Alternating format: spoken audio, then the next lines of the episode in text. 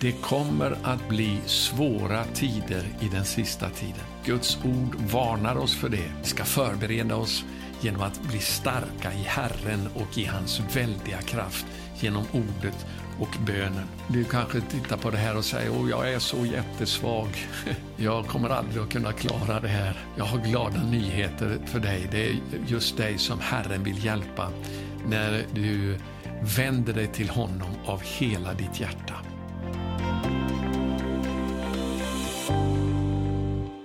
Vi är oerhört tacksamma till var och en av er som stöder vårt arbete ekonomiskt.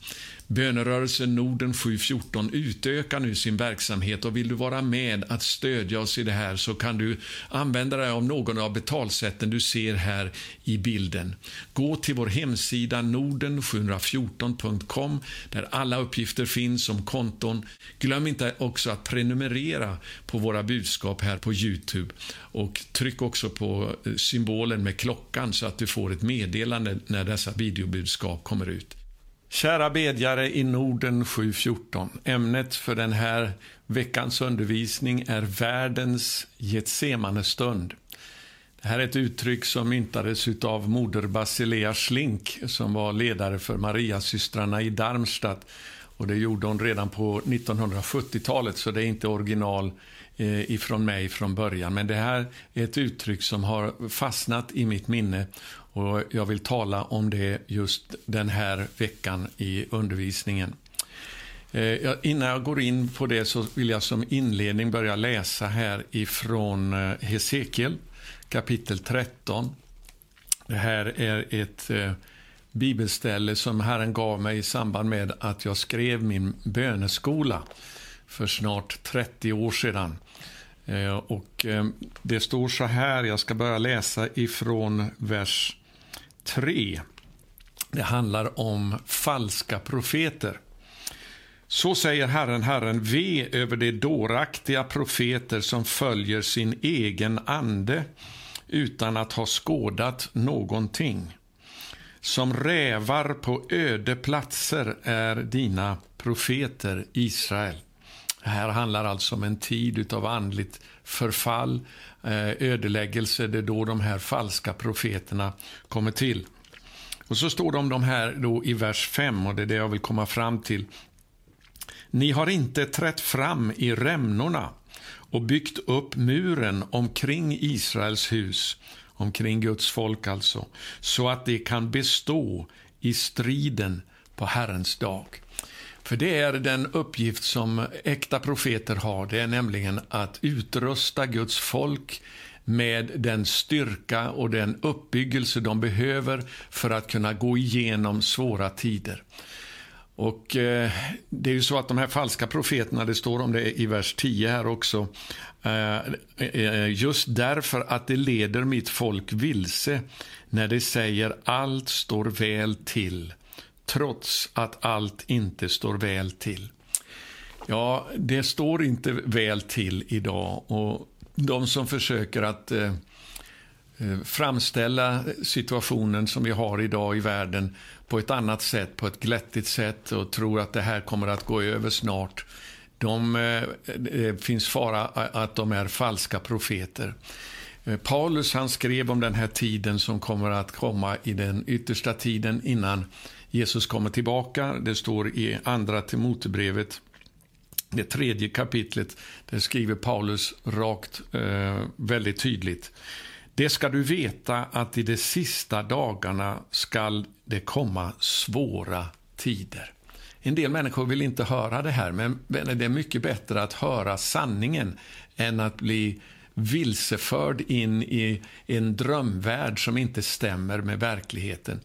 Det kommer att bli svåra tider i den sista tiden. Guds ord varnar oss för det. Och Det är någonting som vi måste förbereda oss eh, inför. Och Det är därför som jag eh, ger ut den här undervisningen, speciellt nu den här veckan. Men det är därför vi har också det här bönenätverket och böneverksamheten Norden 714.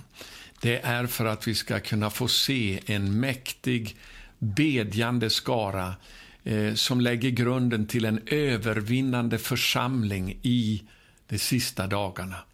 Och Då måste vi vara medvetna om det, vänner. Det kommer att bli svåra tider. Men det underbara är att det finns hjälp, det finns styrka från Herren att kunna gå igenom dessa tider om vi är villiga att ta till oss den hjälpen. Så därför är det också ett positivt budskap jag kommer med. Inte bara att det kommer att bli svåra tider, utan också att vi med Guds hjälp kan gå segrande igenom de här tiderna som ligger framför oss.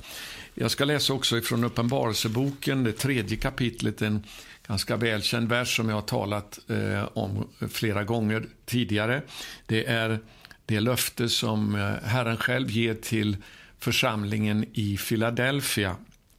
Det står det så här, eftersom du har bevarat mitt ord om uthållighet, om att stå fast alltså, att inte ge upp när det blir tufft, utan bevarat ordet om uthållighet, så ska jag bevara dig, det är det positiva då, och rädda dig ur prövningens stund som ska komma över hela världen och sätta dess invånare på prov. Den här versen betyder inte att vi kommer att slippa den här prövningens stund som kommer att komma över hela världen.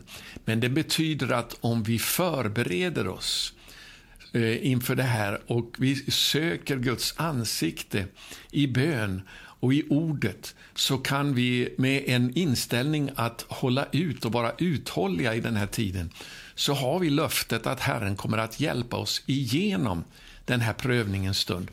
Och eh, snabbt så vill jag bara ge tre, eh, två stycken parallellställen till det här ordet som visar väldigt tydligt att det inte handlar om att vi kommer att slippa den här prövningens stund.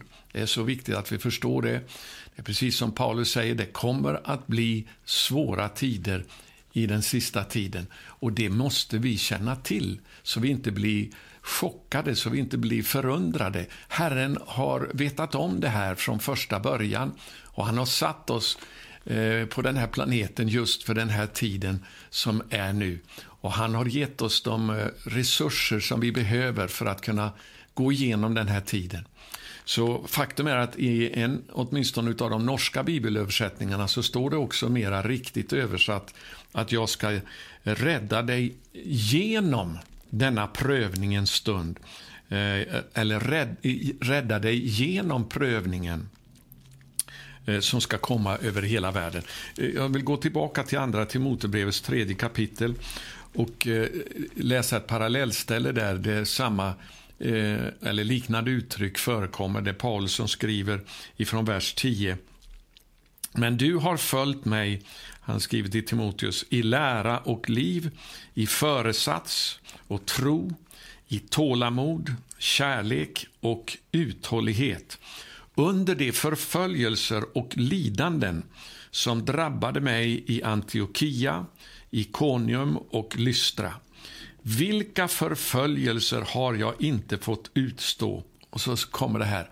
Och ur alla har Herren räddat mig. Alltså inte från de här lidandena och förföljelserna, utan ut ur dem, eller genom de här lidandena, så har, hade Herren eh, räddat Paulus. Och Det är samma löfte som vi har här i Uppenbarelsebokens tredje kapitel och tionde vers. Om du tar vara på mitt ord, eftersom du har tagit vara på mitt ord om uthållighet, så skall jag bevara dig och rädda dig ur prövningens stund som ska komma över hela världen och sätta dess invånare på prov. Så låt oss eh, möta verkligheten som den är, som Gud har eh, Eh, förklarat för oss sitt, sitt ord att den kommer att se ut i den sista tiden. Den kommer att bli en prövning en stund. Och det var det här som moder Basilea Slink eh, kallade för världens Getsemane stund. Och jag ska komma till det om en stund. Men låt mig läsa också ytterligare en eh, parallellhänvisning här till den här versen eh, i Uppenbarelseboken. Vi ska läsa ifrån psalm 34. Där David också skriver om den här räddningen ur prövningens stund. Det står så här att eh, i vers 20, psalm 34. Den rättfärdige måste lida mycket, men Herren räddar honom ur allt. Alltså återigen, inte från allt, men ur allt, eller genom allt, genom dessa lidanden. Eh, jag, jag faktiskt vill betona det här ytterligare genom att läsa ett par till bibelställen om det här. Eh, första är ifrån första Timotebrevet, eller första Thessalonikbrevet, förlåt. Där Paulus skriver det i andra kapitlet och den fjortonde vers som är bakgrund här. Där skriver han så här, ni bröder har ju blivit efterföljare till Guds församlingar i Judeen, det som, är Kristus, det som är i Kristus Jesus. Ni har fått utstå samma lidanden av era landsmän som de av judarna. Och så står det sen i det tredje kapitlet eh, att eh, han sänder Timoteus till dem nu eftersom han inte kunde komma själv. Eh, vers 2 står så här. Vi sände Timoteus, vår broder och Guds medarbetare i Messias evangelium. Han skulle styrka och uppmuntra er i tron så att ingen skulle vackla under dessa lidanden. Ni vet själva att vi är bestämda till att utstå sådana. Det här är många kristna som inte vill eh, veta av. De vill höra sånt som kliar i öronen om att eh, allting kommer att bli eh, bra, att vi inte ska behöva gå igenom några lidanden. Men här säger Paulus väldigt tydligt och klart. Vi är bestämda till att utstå lidanden. Så låt oss bereda oss på det, vänner. Det kommer att bli förföljelse, det kommer att bli lidanden, det kommer att bli svårigheter, det kommer att bli svåra tider. Men Herren har lovat att hjälpa oss igenom allt detta, oavsett vad som kommer. För han är fortfarande den som har kontrollen över det här, även om han låter det komma. Och Därför så ska vi se till att vi tar till oss den hjälp som Herren är redo att ge till oss för att vi ska kunna gå igenom den här tiden av svårigheter. Så Låt oss återigen läsa vers 3 då. Så att ingen skulle vackla under dessa lidanden. Ni vet själva att vi är bestämda till att utstå sådana. Redan när vi var hos er sa vi er i förväg att vi skulle få lida. Och Det har ju Paulus talat om också nu för oss också, att vi kommer att få lida. Om vi inte lider förföljelse så är det någonting som inte stämmer. Därför att eh, Jesus sa också väldigt tydligt det att i, i världen kommer ni att få lida betryck. Har världen hatat mig så kommer de också att hata er. Vi kommer att bli hatade. Och om vi inte blir det så är det någonting, det betyder helt enkelt att vi inte lever på det sätt som Gud har tänkt. Därför det liv som han har för oss i rättfärdighet, det kommer att skära så skarpt med den livsstil och med det, eh, den kultur som kommer att bli i den sista tiden. Så det kommer att innebära förföljelser. Så eh, redan när vi var hos er, alltså, skriver Paulus här i vers 4, sa vi er i förväg att vi skulle få lida. Och så har det också gått, som ni vet. Och Sen skriver han i vers 5, när jag därför inte längre kunde härda ut sände jag bud för att få veta hur det var med er tro. Kanske kunde det vara så att frestaren hade frestat er och vårt arbete, alltså frestat på det sättet att, han hade, eh, att de hade gett efter för de här frestelserna och vårt arbete varit förgäves. Men nu har Timoteus kommit tillbaka från er och han har gett oss goda nyheter om er tro och kärlek och berättar hur ni alltid tänker på oss och längtar efter att få träffa oss, liksom vi längtar efter er. Så de eh, troende där i Thessalonika, de hade varit uthålliga i lidandena, de hade gått igenom de här prövningarna, de hade stått emot de frestelser som hade kommit i deras väg. Och Det är vad vi kan göra också i den sista tiden. Och Det är så viktigt att vi eh, tar till oss då de resurser som vi har Eh, Eh, för att kunna göra det. Och Syftet med dem som är verkliga gudsmän och gudskvinnor, de som förkunnar Guds ord i denna sista tid, det är att utrusta Guds folk så att de kan stå i striden på Herrens dag, alltså i samband med det som kommer att ske i den sista tiden. Därför så eh, är det viktigt att eh, ta till oss sådan undervisning ifrån människor som inte försöker att säga bara att allting står väl till och det här med, med corona, det kommer snart att gå över och snart blir det som det har varit innan. Vi har vacciner nu och, och det kommer säkert att bli helt okej. Okay. Vänner, det kommer att bli eh, ännu värre och därför så är det viktigt att vi tar till oss det som Gud har att säga om det här. Så eh, vi ska också titta på en bibelvers till här som talar om det här väldigt tydligt. Det är när Paulus var i de här församlingarna som han skriver om där till Timoteus i andra Timoteusbrevet som vi just läste, de lidanden som han fick gå igenom där i de församlingarna. Och Det står så här ifrån vers 21 i Apostlagärningarna kapitel 14.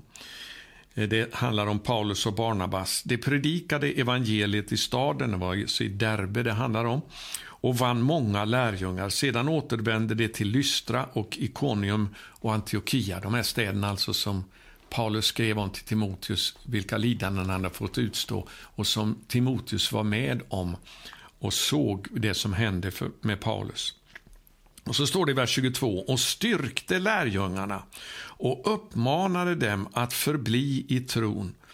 Det sa, och lyssna här nu, det sa att vi måste gå genom många lidanden för att komma in i Guds rike. Hoppsan, det här är ingen, som jag kallar det för, kylskåpsvers precis som kanske är så populär att predika ifrån. Men låt oss titta på det här igen och se vad Paulus skriver. Eh, eller vad Lukas skriver här, att Paulus och Barnabas sa till de här troende i Lystra, Ikonium och Antiochia. De sa att vi måste gå genom många lidanden för att komma in i Guds rike. Vi måste förbereda oss för det här, vänner, så att vi inte dukar under i de här prövningarna som kommer. Halleluja, det finns eh, möjlighet att bli bevarade genom den här tiden av svårigheter i den sista tiden. Så låt oss titta nu på den här, vad som hände i Getsemane.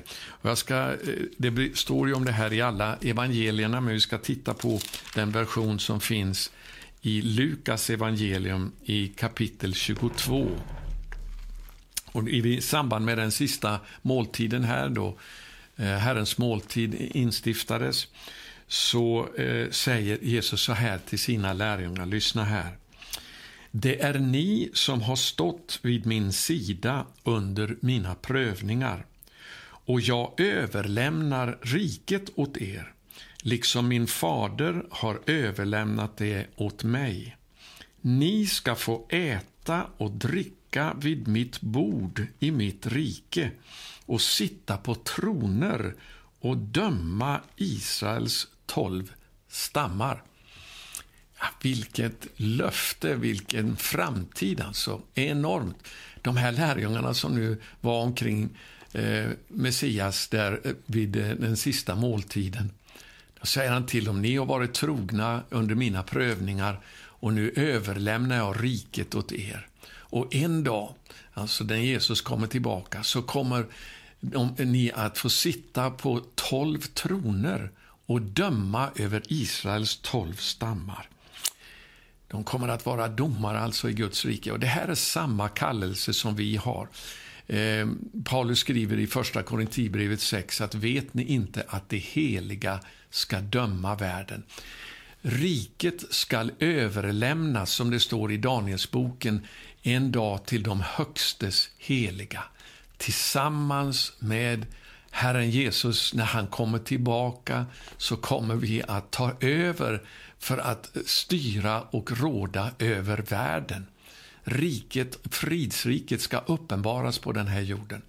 Och för att vi ska kunna eh, få gå in i den uppgiften, så att säga, att vara de som får ta över för att styra den här världen, så är det bland annat därför som vi måste gå igenom prövningar. För ingen som inte har blivit prövad kommer Gud att sätta i ansvarsställning. Vi måste först ha visat vår duglighet under vårt jordeliv för att vi ska kunna få förtroende att eh, ta över och styra och råda tillsammans med Herren när han kommer. Så därför så står det i nästa vers nu, direkt efter alltså Jesus har gett de här fantastiska löftena till lärjungarna som satt runt om bordet. Så vänder han sig speciellt till Petrus, eftersom han var den ledande bland lärjungarna, så säger han Simon, Simon, se, Satan har begärt att få sålla er som vete. Men jag har bett för dig att din tro inte ska bli om intet. Utan att du ska kunna gå igenom det här alltså. Och när du en gång har omvänt dig, så styrk dina bröder. Varför säger Jesus det här alltså att eh, direkt efter han ger dem löftet att de ska få sitta på tolv troner och råda över eh, Israels tolv stammar. Alltså det är ju så att eh, djävulen och Satan, han är denna tidsålders Gud. Det är han som nu har, alltså hela världen är i den ondes våld, säger, eh, eller skriver Johannes eh, i ett av sina brev. Eh, det första brevet närmare bestämt, att hela världen, vi vet, säger han, att hela världen är i den ondes våld. Djävulen är denna tidsålders Gud. Men han kommer att fängslas, han kommer att arresteras först och kastas i fängelse i tusen år och sedan i den brinnande Eldsjön för evigt. Och här utmanar nu Satan eh, Jesus och säger, okej, okay, om de här som nu är dina lärjungar och som du säger, de ska ta över och de ska få döma, eh, sitta som domare i det rike som du kommer att upprätta. Då vill jag veta vad de går för, om de verkligen är värda detta. Har de, eh, jag vet inte om ni har sett den här filmen eh, The Passion, uh, The Passion of the Christ, tror jag den heter. Eh, den är inte speciellt bra, tycker jag, den filmen i och för sig. Men det fanns ett avsnitt i den filmen som, eh, som jag upplever är väldigt skriftenligt. Och det är när djävulen frestar Jesus i Getsemane. När Jesus kämpar så att eh, blod, det kommer, svetten blir som blodsdroppar ned för hans ansikte. Han våndas inför det han måste gå igenom. Och I den filmen så framställs det väldigt bra när djävulen kommer till Jesus och säger du kommer aldrig att klara det här. Det vet du väl att när, till, eh, när det kommer till, till kritan så att säga så väljer alltid människor eh, att rädda sitt eget skinn. Och därför så utmanar han Jesus, kommer du nu att eh, välja att rädda dig själv eller att rädda hela världen? Och vi vet att Jesus var trogen. Han gick igenom den här prövningen ända till den sista andetaget utan någon synd. Han hade ingen bitterhet. Han, han förlät alla de som korsfäste honom. Han eh, gick igenom alla de här lidandena som Guds rena offerlamm. Men nu så ska alltså när Jesus säger att vi ska få ta över världen för att regera tillsammans med honom, så har han rätt. Djävulen har rätt att testa oss för att se om vi eh, duger till det. Därför annars kan han säga till, till Jesus, var, hur kan du göra så till de här? De är, de är ju av samma skrot och korn som alla andra. De är likadana som jag själv. De lever bara för sig själv och är egoistiska. Det var den här egoistiska naturen som vi fick genom syndafallet då alla människor eh, är mer eller mindre besmittade av den här egoismen att tänka på sig själv först. Men istället så är vi kallade att be precis som Jesus bad i Getsemane. Dock ske inte min vilja, utan din. Och Vi kommer att bli prövade när det gäller det här, speciellt i den sista tiden. Jag tror att det som, Jesus, eller det som Paulus och Barnabas sa till församlingarna där i eh, Lystra och Ikonium och Antiochia om att det är genom många lidanden som vi ska gå in i Guds rike. Det har alltid varit sant för människor eh, i alla tidsåldrar, men speciellt för den sista generationen som kommer att få se Jesus komma tillbaka, så kommer det här att bli en verklighet, att vi kommer att bli testade genom många lidanden. Kommer, vi, eh, kommer vår tro att vackla eller kommer vi att gå igenom dem med en triumferande tro? Ja, vi ska läsa vidare här nu vad som, som händer då här. Eh, och eh, ehm, Jag ska fortsätta i vers 33 här i Lukas 22. När Jesus då har sagt att, eh, eller förlåt, i vers 33 är det. Eh, jag, jag har begär, bett för dig, säger Jesus till eh, Petrus, Eh, att din tro inte ska bli om intet. Vers 33 så står det, då sa Petrus till honom, Herre, med dig är jag beredd att gå både i fängelse och i döden. Han var säker på sig själv, Petrus, och trodde att det här ska inte bli några problem. Jag verkligen är, är villig att kämpa till döds för dig. Men Petrus kände inte riktigt till eh, den svaghet som fanns i honom. För det är precis som Jesus säger eh, senare här, att anden är villig men köttet är svagt. Så därför säger Jesus i nästa vers, Jesus svarade, jag säger dig Petrus, tuppen skall inte gala i natt förrän du tre gånger har förnekat att du känner mig. Hur är det möjligt? När Petrus säger att han är villig att ge sitt liv för sin mästare. Och så säger Jesus, nej, det är faktiskt det här att om bara några timmar här så kommer du att eh, förneka att du överhuvudtaget vet vem jag är. Ja, vi ska titta på det. Vi läser ifrån eh, eh vers 39 här nu, eh, där det står så här. Sedan gick Jesus som vanligt ut till Oljeberget och hans lärjungar följde honom. När han kom till platsen, och den här platsen är alltså Getsemane, och det var den platsen som Jesus brukade hålla till på när han var i Jerusalem. Och Det står i Johannes evangelium att det var en speciell plats som Judas som förrådde honom kände till. Så han visste att, eh, och där står det att eh, Jesus brukade ofta gå dit för att be. Och om Jesus behövde be för att kunna gå igenom prövningen så behöver vi också lära oss att be i denna sista tid. Okej, okay, så när han kom till platsen sa han till dem, be att ni inte kommer i frestelse. Och Var kommer den här frestelsen ifrån? Ja, eh, Jakob säger det i sitt första brev, att, eh, och det första kapitlet, att när någon frestas så ska han inte säga att det är från Gud som frestelsen kommer, för Gud eh, kan inte frestas om någonting ont och därför frestar han inte heller någon. Men när någon frestas, skriver Jakob, så är det hans eget kött hans egna syndiga natur som lockar eh, och bedrar. Vi ska läsa det där får vi se exakt vad som Jakob skriver där i sitt eh, brev, det första kapitlet. Från vers 13. Ingen som frestas ska säga det är Gud som frestar mig, till Gud frestas inte av det onda och frestar inte heller någon.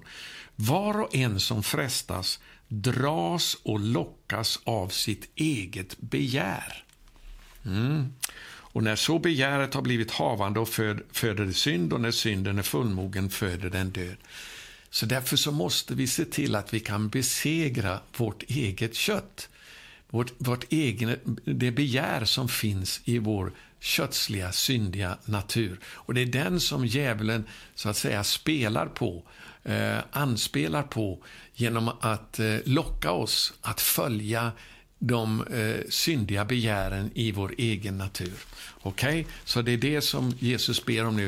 Eh, eller säger till dem, vaka och be eh, att ni inte kommer i frestelse. Och han gick ett stycke ifrån dem, ungefär ett stenkast, och föll på knä och bad. Varför, gick han, varför står det här att han gick ett stenkast? Ja, det, ett stenkast det var det längsta avstånd som en herde på den tiden gick från sina får. Därför han var alltid tvungen att kunna eh, beskydda dem. Om det kom några faror så skulle han kunna kasta en sten som kom alldeles bortanför fåren så att de blev skrämda och började springa åt herden. Så Jesus lämnar dem inte utan översyn, så att säga, som den gode herden, även i den här prövningens stund. Okay. Uh, eh, gick ett stycke ifrån dem, ungefär ett stenkast, och föll på knä och bad, Fader, om du vill, så ta den här kalken ifrån mig, men ske inte min vilja, utan din. På grund av att Jesus var lydig intill döden att göra Faderns vilja så blev han räddad ur den här döds... Eh, dödsångesten. Vi ska läsa om det i Hebreerbrevet om en liten stund. Då visade sig en ängel från himlen och gav honom kraft. Samma resurser finns tillgängliga för oss när vi lär oss att be på det sättet som Jesus bad. Han kan sända sina änglar till att hjälpa oss. Därför det står i Hebreerbrevet att änglarna är utsända till deras hjälp som ska få ärva frälsning. De är till för, vår, eh, för att hjälpa oss. Han kom i svår ångest och bad allt ivrigare och hans svett blev som blodskroppar, blodsdroppar förlåt, som föll ner på jorden. När han reste sig från bönen och kom till lärjungarna fann han att de hade somnat av bedrövelse. Köttet hade blivit för starkt. De gav efter för de naturliga, den naturliga böjelsen att eh, de var trötta och eh, behövde sova. Så att de vakade inte, så de var beredda när prövningen kom eh, om bara några minuter här. Då, då sa han till dem, varför sover ni? Stig upp och be att ni inte kommer i frestelse.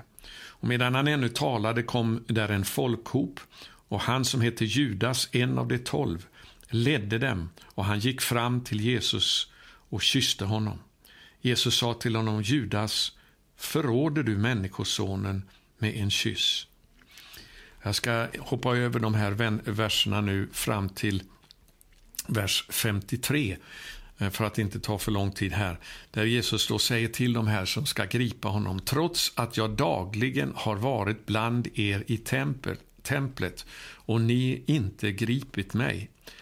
Eh, trots att jag dagligen har varit med er i templet har ni inte gripit mig. Men så säger han, men detta är er stund och nu råder mörkrets makt. Ja, det är den här prövningens stund som kommer att komma. Det är en bild, ska jag säga, om den prövningens stund som kommer att komma över hela världen. Då ondskan kommer att få eh, en liten kort tid att regera innan Gud sätter punkt genom Jesu återkomst. Och Det är för att förbereda oss för det här som, som vi har fått uppmaningen i Guds ord att vi ska se till att vi kan vaka och be. Och därför så skriver Petrus i sitt första brev, i det fjärde kapitlet och vers 7, eh, att eh, slutet på allting är nära. Var därför nyktra och förståndiga så att ni kan be. Jag ska se till att jag får det exakt som det står i den här översättningen. Första Petrus 4 och vers 7.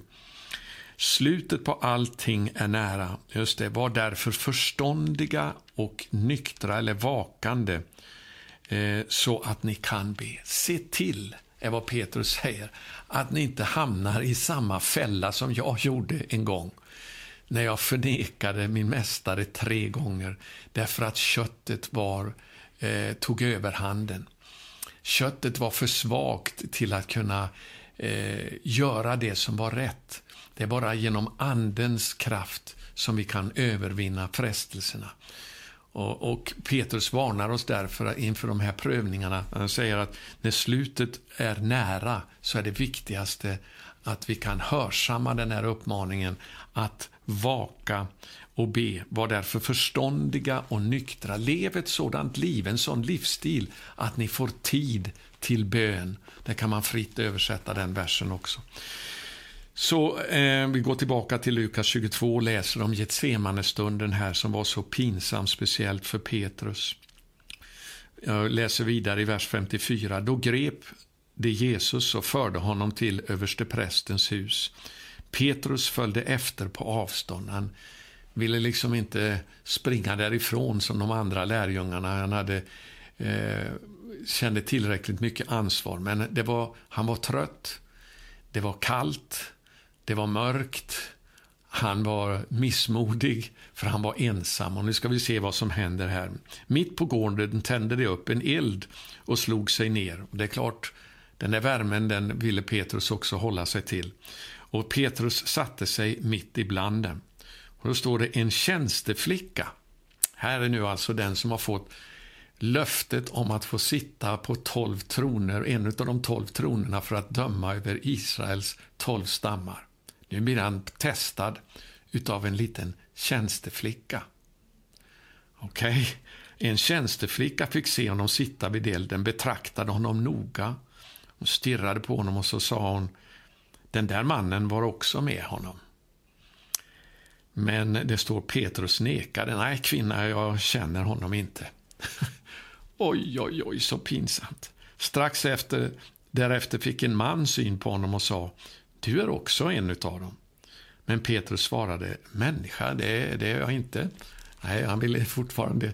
Nu gick Petrus rakt i fällan. Därför Petrus var inte medveten om hur svagt hans kött var. Eh, men när han sen omvände sig och blev eh, uppfylld av den heliga Ande på pingstdagen, då kunde han bli den övervinnare som eh, Jesus hade kallat honom till att vara. Och därför så ska vi ta varning av det här, för nu har vi tillgång till den heliga Andes kraft, att kunna gå igenom den här prövningen som ligger framför oss och som vi redan nu är inne i. Jag tror många av er känner det, att det är en prövningens stund som börjar komma över världen nu. Vers 59. Ungefär en timme senare var det en annan som bestämt försäkrade Visst var den där mannen med honom, han är ju Galilé. Men Petrus svar, sa Människa, jag förstår inte vad du menar. Och genast, medan han ännu talade, gol tuppen. Då vände Herren sig om och såg på Petrus. Och Petrus kom ihåg vad Herren hade sagt till honom. Innan tuppen gal i natt ska du tre gånger förneka mig. Och han gick ut och grät bittert. Petrus var tvungen att komma till slutet av sin egen förmåga för att han eh, skulle omvända sig till att förtrösta på Herren och på, på hans styrka och hans kraft istället för egen förmåga. Och vänner, den styrkan och kraften den kommer till oss framför allt genom att vi tar tid i bön tillsammans med Herren. Att vi umgås dagligen med honom i Guds ord och i bönegemenskapen med honom. Det är så vi kan bygga upp den här styrkan som gör att vi kan gå segrande igenom den tid som ligger framför.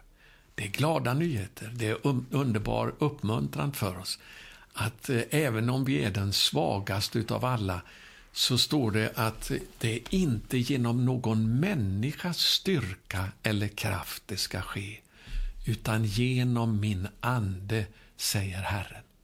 Så hör det du som tycker att du är eh, svag i dig själv. Det är bra att du är svag i dig själv och inte är som Petrus som var stark i sig själv och litade på sin egen förmåga och sin egen kraft, för den räckte inte till.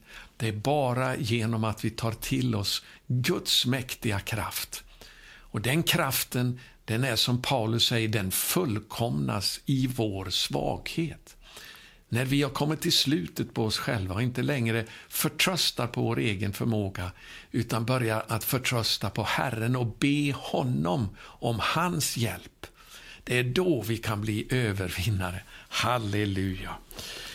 Prisa vare Herren. Jag ska läsa parallellstället också i Matteus evangelium kapitel 26. Och där står det, eh, jag har redan citerat den versen delvis redan här, men jag ska läsa den igen här. Ehm,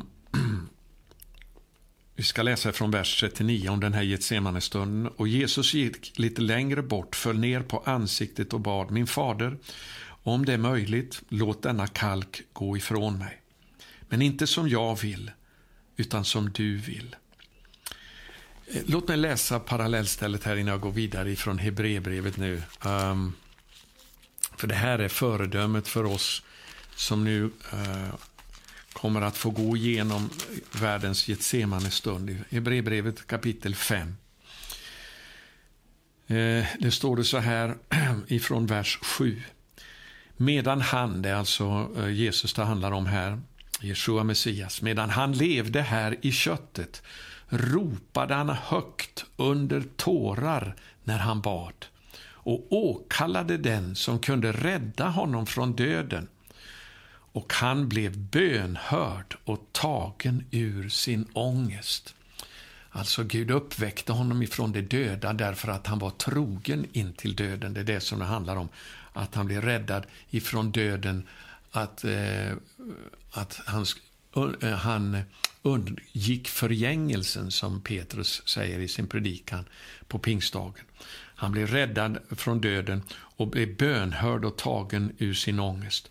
Vers 8. Fastän han var son lärde han sig lydnad genom sitt lidande. Jag talade med en känd predikant för ganska många år sedan nu om den här prövningens stund som kommer att gå utöver världen i den sista tiden för att sätta alla jordens inbyggare på prov, för att se om vi är värdiga det rike som vi kommer att få lida för. Paulus uttrycker det exakt så i Andra Thessalonikerbrevets första kapitel, att det är eh, för att vi ska anses värdiga det riket som vi får utstå lidanden. Eh, och den här predikanten, jag ska inte nämna hans namn, väldigt välkänd, men han höll sig till den här undervisningen som säger att det, innan det blir några prövningar och svårigheter här så kommer vi att ryckas upp till himlen. Därför det var någon som också skrev på vår Youtube-kanal här Eh, för inte så länge sedan. Det där att vi ska gå igenom prövningar och lidanden i den sista tiden, det är ju inget glatt budskap. Ja, men kära vän, det är ett sant budskap och det är det viktigaste. Om det är sanningen så behöver vi ta till det här, ta till oss den. Och här står det alltså att till och med, för den här predikanten sa till mig, jag kan inte förstå vad det ska vara för mening med att vi ska behöva gå igenom lidanden och prövningar. Vad ska det vara bra för? Ja, så är det många kristna som tänker. Petrus hade samma tankar när det gällde Jesus när han sa att han måste överlämnas i syndares händer, bli korsfäst, dödad och sedan uppstå på tredje dagen. Så började Petrus att protestera och säga ingalunda ska det här någonsin vederfaras dig. Du är ju Messias, du ska inte behöva gå igenom det här. Då vänder sig Jesus skarpt till honom, tillrättavisar honom och säger gå bort ifrån mig Satan. För dina tankar är inte Guds tankar utan människotankar. Guds tankar är, om hans son, det var att han skulle lära sig lydnad genom sitt lidande. Behövde han lära sig det, så behöver vi också lära oss det. Vi går i en skola här för att vi ska kunna växa till i mognad för att ta över riket när Jesus kommer tillbaka. Välkomna till, välkommen ska jag säga, till verkligheten så som Gud säger det i sitt ord.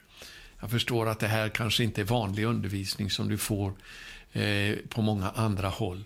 Men det här är vad Guds ord säger. Fastän han var son fick han lära sig lydnad genom sitt lidande. Eh, och Det var den vers jag kom att tänka på när jag talade med den här predikanten för ganska många år sedan. Så vi går tillbaka här nu till Matteus 26. Eh, och där Jesus alltså just har bett att kalken ska gå ifrån honom om det är möjligt, men ske inte min vilja utan din. Han var villig att bli lydig, även om det innebar lidande. Vers 40. När han kom tillbaka till lärjungarna och fann att de sov sa han till Petrus, kunde ni då inte vaka en kort stund med mig? Ja, de förstod inte allvaret i det som pågick, så de var inte tillräckligt vakande för att eh, eller eh, hade tagit varningarna från Jesus tillräckligt på allvar för att hålla sig vakande så att de inte skulle eh, bli, eh, falla för frestelse så står det i vers 41. Håll er vakna och be. Ja, det här är uppmaningen för oss i den sista tiden. Håll er vakna och be. Det går inte att gå segrande igenom den här sista tidens prövningar utan att hålla sig vaken och be. Det betyder inte att vi so inte sover fysiskt någon gång på dygnet, men framförallt andligt vakna genom att vi ser till att vi inte dras med i den, det som pågår i världen och det som eh, vi hör ifrån världens media och så vidare, utan att vi tar tid för att umgås med Gud i ordet och i bönen. Det är det det handlar om här, att vi är vakna till att vi umgås med Herren så att vi kan höra vad Anden säger till församlingarna. Vi har en öron till att höra vad det han vill säga till oss. Håll er vakna och be så att ni inte kommer i frestelse. Det vill säga så att inte köttet lockar er till fall. Och så säger han, anden är villig, men köttet är svagt. Eh, för många år sedan så hörde jag en eh, känd predikant i USA som eh, heter Larry Lee Eh, som undervisade sin böneskola. Jag var med på en av hans första böneskolor i Dallas i Texas, där han kom ifrån. Eh, han undervisade i sin böneskola att det finns tre steg till att kunna få ett starkt böneliv. Och eh, de här tre sakerna som då det handlar om det är att det börjar med en längtan att be. Och den har alla som är födda på nytt. Det finns en längtan i vår ande att umgås med Jesus i bön, att umgås med Fadern och med Sonen och med den heliga Ande i bön varje dag. Men vi har ett kött som är svagt, så därför så räcker det inte med längtan, utan om man eh, lägger till disciplin till den här längtan, så att längtan i vår ande blir starkare, övervinner eh, lättjan, så att säga, svagheten i vårt kött, genom att vi disciplinerar oss, då kommer vi att komma in i det tredje stadiet utav att få ett starkt böneliv, att det kommer att bli en glädje. Så det börjar med längtan, det går vidare till disciplin och om vi gör det så kommer det att bli en glädje för oss att tillbringa tid varje dag med Herren i bön. Och jag känner här nu att i den här bönerörelsen, och det är väldigt viktigt det jag ska säga nu, det vi har varit med om hittills under de här tre åren nu som vi har hållit på, det har bara varit en början. Jag upplever i min ande att nu börjar det ordentligt på allvar. Och jag är väldigt optimistisk därför att jag tror att eh, det Herren som har börjat ett gott verk, han skall också fullborda det intill Kristi Jesu dag. Halleluja, vi ska få se en bedjande församling resa sig i de nordiska länderna. Och eh, alla de länder med korset i sina flaggor. Halleluja, det är Guds vilja och vi ska inte ge upp förrän det sker. Och Herren har sagt till mig att nyckeln till det här, det är den böneskola som han har eh, gett till mig och som jag skrev nu för nästan 30 år sedan. Den har blivit översatt till många olika språk. Från början så skrev jag ju den på engelska eftersom jag bodde i USA då. Men den översattes ganska snabbt till svenska. Sen översattes den till ryska, till spanska, till eh, hebreiska, till arabiska och även till ett av språken i Afrika. Eh, och eh, ja, jag kan inte komma ihåg om det är något mer nu. Tyska förmodligen är den översatt till också. Så den har varit till välsignelse för väldigt många människor. När jag gjorde den böneskolan så sa Gud till mig att berätta bara från ditt eget liv, från din egen erfarenhet, vad jag har lärt dig om bön. Bara du ser till att människor börjar att be. Och jag har fått så många vittnesbörd om människor som har blivit uppmuntrade till att eh, få ett dagligt böneliv genom den här böneskolan. Så jag har tro för att jag kommer att få se minst 10 000 i de nordiska länderna. Eh, jag ber om ännu fler, men minst 10 000 som kommer att gå igenom den här böneskolan och överlåta sig till att be minst, alltså från början eh, överlåtelse till sju minuter om dagen. Och Det handlar inte om att du måste rabbla upp eh, eh, de här bönämnena som vi har satt upp varje dag. Det handlar i första hand om att du disciplinerar dig till att ägna åtminstone sju minuter varje dag i bön tillsammans med Jesus. Och eh, Börjar du där i det lilla så kommer du snart att märka att den tiden räcker inte. Du kommer att utveckla det, eh, ditt böneliv till att eh, det kommer att ta över mer och mer tid utav ditt liv. Men det måste börja någonstans. Och därför så har jag tro för att vi ska få se minst 10 000 sådana bedjare som lär sig vad det vill säga att be. Eh, och har du inte redan gått igenom den här böneskolan så gå till vår hemsida norden714.com där du kan ladda ner den gratis. Eh, den finns både som studiehäfte, den finns också som ljudfiler helt gratis.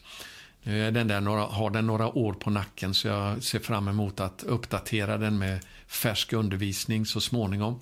Vi kommer att översätta den här böneskolan också, både till finska, till norska, till danska, till isländska och till estniska. Eh, och den finns redan på engelska som sagt var.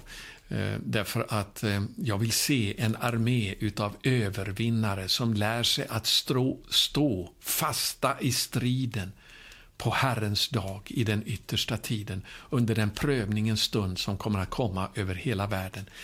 Världens Getsemane stund, då vi behöver ta till oss den här, de här orden som han sa här till lärjungarna, vår mästare. Vaka och be att ni inte kommer i frestelse. Anden är villig, men köttet är svagt. Jag vill se en övervinnande skara som lär sig att eh, kanalisera längtan i bön eh, till att be.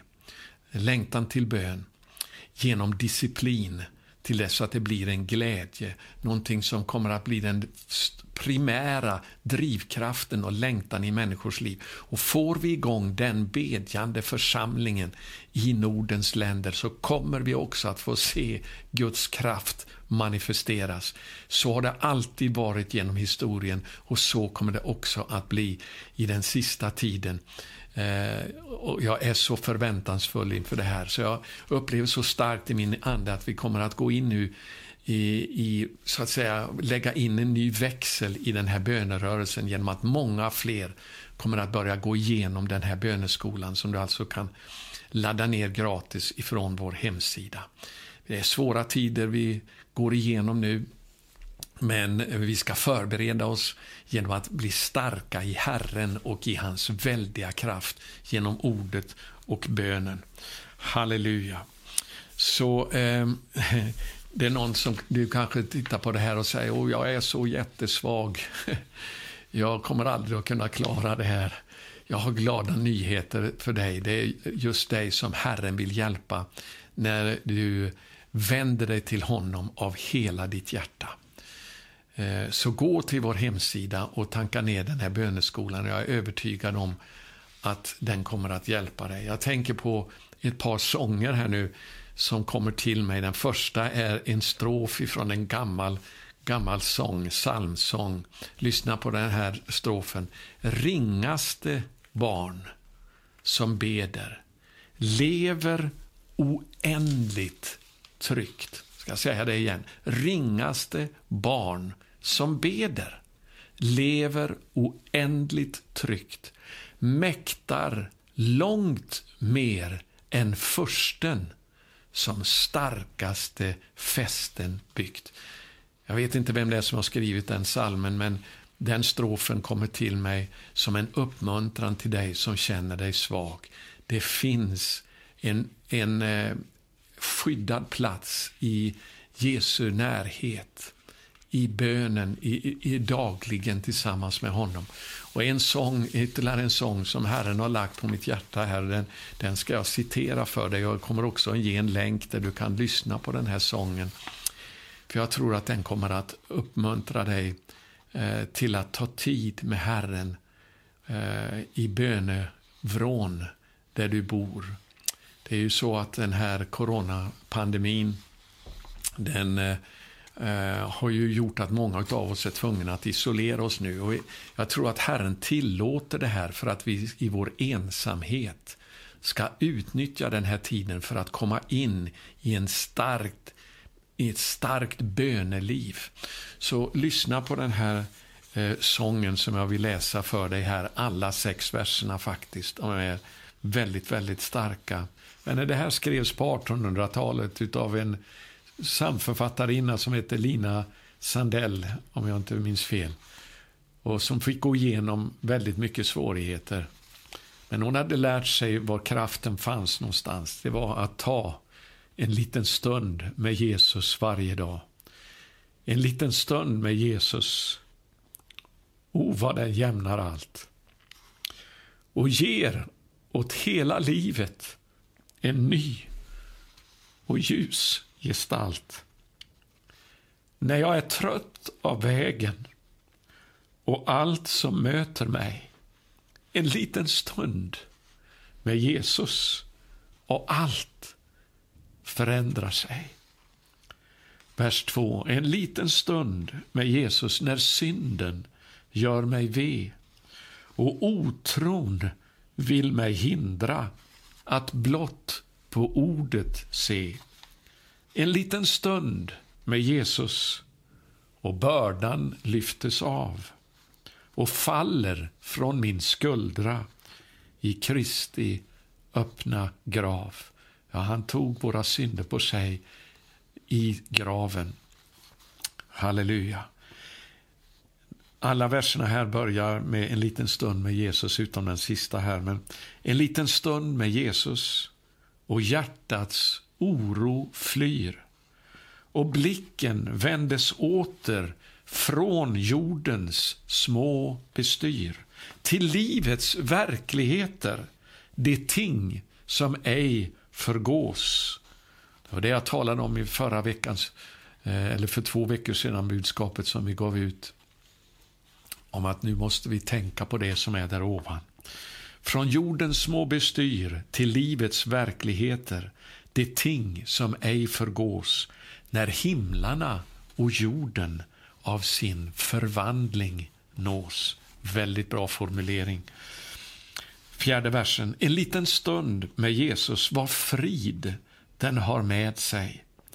När kärlekslösa domar av människor sårar mig. Om missförstådd och sargad från vänners krets jag går. Jesus fick vara med om det. Den vän som var nära honom, Judas, som satt närmast vid honom vid den sista måltiden. Det var han som förrådde honom med en kyss. Om missförstådd och sargad från vänners krets jag går, en liten stund med Jesus, dock helar alla sår. Vers 5. En liten stund med Jesus, vad kraft den har med sig. Vad lust den ger att vandra på Herrens viljas stig. Vad mod den ger att leva och lida för hans namn. En ljuvlig försmak redan av vilan i hans famn. Sista versen. Så giv mig, käre Herre, ja, giv mig ofta då en liten stund med Jesus i hemmets tysta vrå. Mitt hjärtas djupa längtan är denna enda blott, en evighet med Jesus och allt, ja, allt är gott. Vänner, det här bönelivet med Herren på en daglig basis, precis som den här sången antyder, den kan ta oss igenom precis vad som helst. Och ett starkt böneliv börjar alltid här med i gemenskapen tillsammans med Herren i bön. Och det är där som han sedan kan lägga på oss de böner som han vill besvara när vi ber honom be ber till honom för de sakerna som han lägger på våra hjärtan så att vi kan få se Guds rike bryta fram. Det är han som initierar den bönen i våra liv när vi tillbringar tid med honom. Så jag hoppas att det här kommer att uppmuntra dig eh, till att längta efter den här stunden varje dag med Herren i bön. Och att du med hjälp också av den böneskolan som du kan lasta ner gratis på vår hemsida kan utveckla ett väldigt starkt böneliv där vi kan få se hur Guds kraft genom bön börjar att bryta igenom och förvandla våra länder eh, här i Norden. Så eh, Gud välsigne dig att bli en del av denna övervinnande böneskara. Eh, en brudeförsamling som kommer att resa sig full av härlighet i den sista tiden. Och du ska vara en utav dem, just du. För du kan gå till Jesus med alla dina bekymmer, med all din synd som plågar dig och han vill vältra av den bördan ifrån dina skuldror ner i glömskans hav, ner i den öppna graven, den tomma graven. Halleluja. Så låt oss bedja nu, eh, avsluta den här undervisningen den här veckan och bedja om att du ska få vara med i denna bedjande, segerrika församling i den sista tiden. Halleluja, jag är så övertygad om att Herren kommer att låta den bryta fram, växa fram i våra nordiska länder. Låt oss prisa honom för det, Fader i himmelen. Jag tackar dig för dina mäktiga löften eh, som du har gett oss i ditt ord. Att vi får komma till dig, till nådens tron för att få barmhärtighet och finna nåd till hjälp i rätt tid, Herre, oavsett vad vi måste gå igenom. Jag tackar dig för att din kraft, den är större än allt det vi möter i detta livet, än allt det som djävulen kastar emot oss. Allt som finns överhuvudtaget i hans arsenal. Det kan inte besegra det, den tro som är född av Gud, för den övervinner världen denna, denna dyrbara skatt som du har lagt ner hos var och en som har gett hela sitt liv till dig. Och halleluja, jag tackar dig att oavsett de eh, svårigheter nu som vi står inför, Herre, så ska du resa upp din mäktiga, bedjande, skara, din bedjande församling i de nordiska länderna. Halleluja, vi ska få se dessa strömmar komma ifrån de nordiska länderna, välla ner över Europa tillbaka till Jerusalem med evangelium. Halleluja, jag tackar dig för att du ska resa upp till en början minst 10 000 utav dessa bedjare, Herre.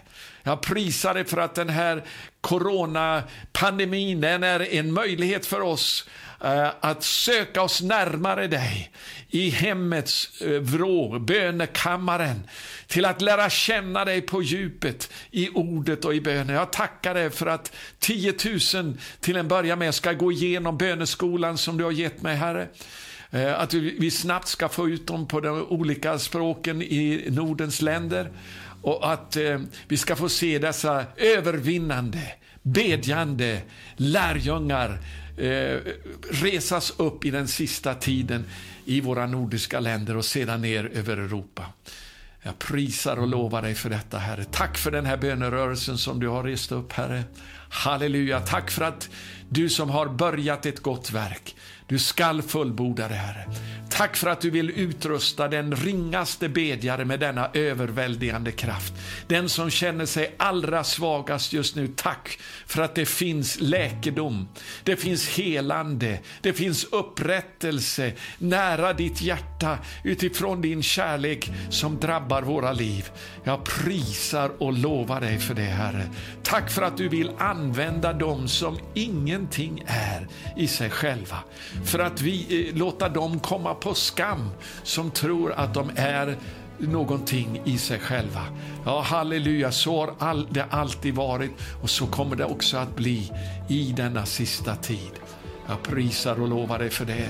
Tack för att jag bara får tala ut denna, denna bedjande församling i de nordiska länderna. Den kommer att resa sig upp i din väldiga styrkas kraft. Vi kallar på det som inte är till, så som vore det till. Halleluja, tack för att vi ska få se din mäktiga kraft uppenbarad ibland oss. Genom alla lidanden, genom alla svårigheter, som svar på bön. I ditt underbara välsignade namn ber vi, i Jesu namn. Amen. Gud välsigne dig. Tack för att du är med. Tack för ditt stöd. Tillsammans så ska vi få se Guds vilja ske och Guds kraft uppenbara sig ibland oss som svar på bön.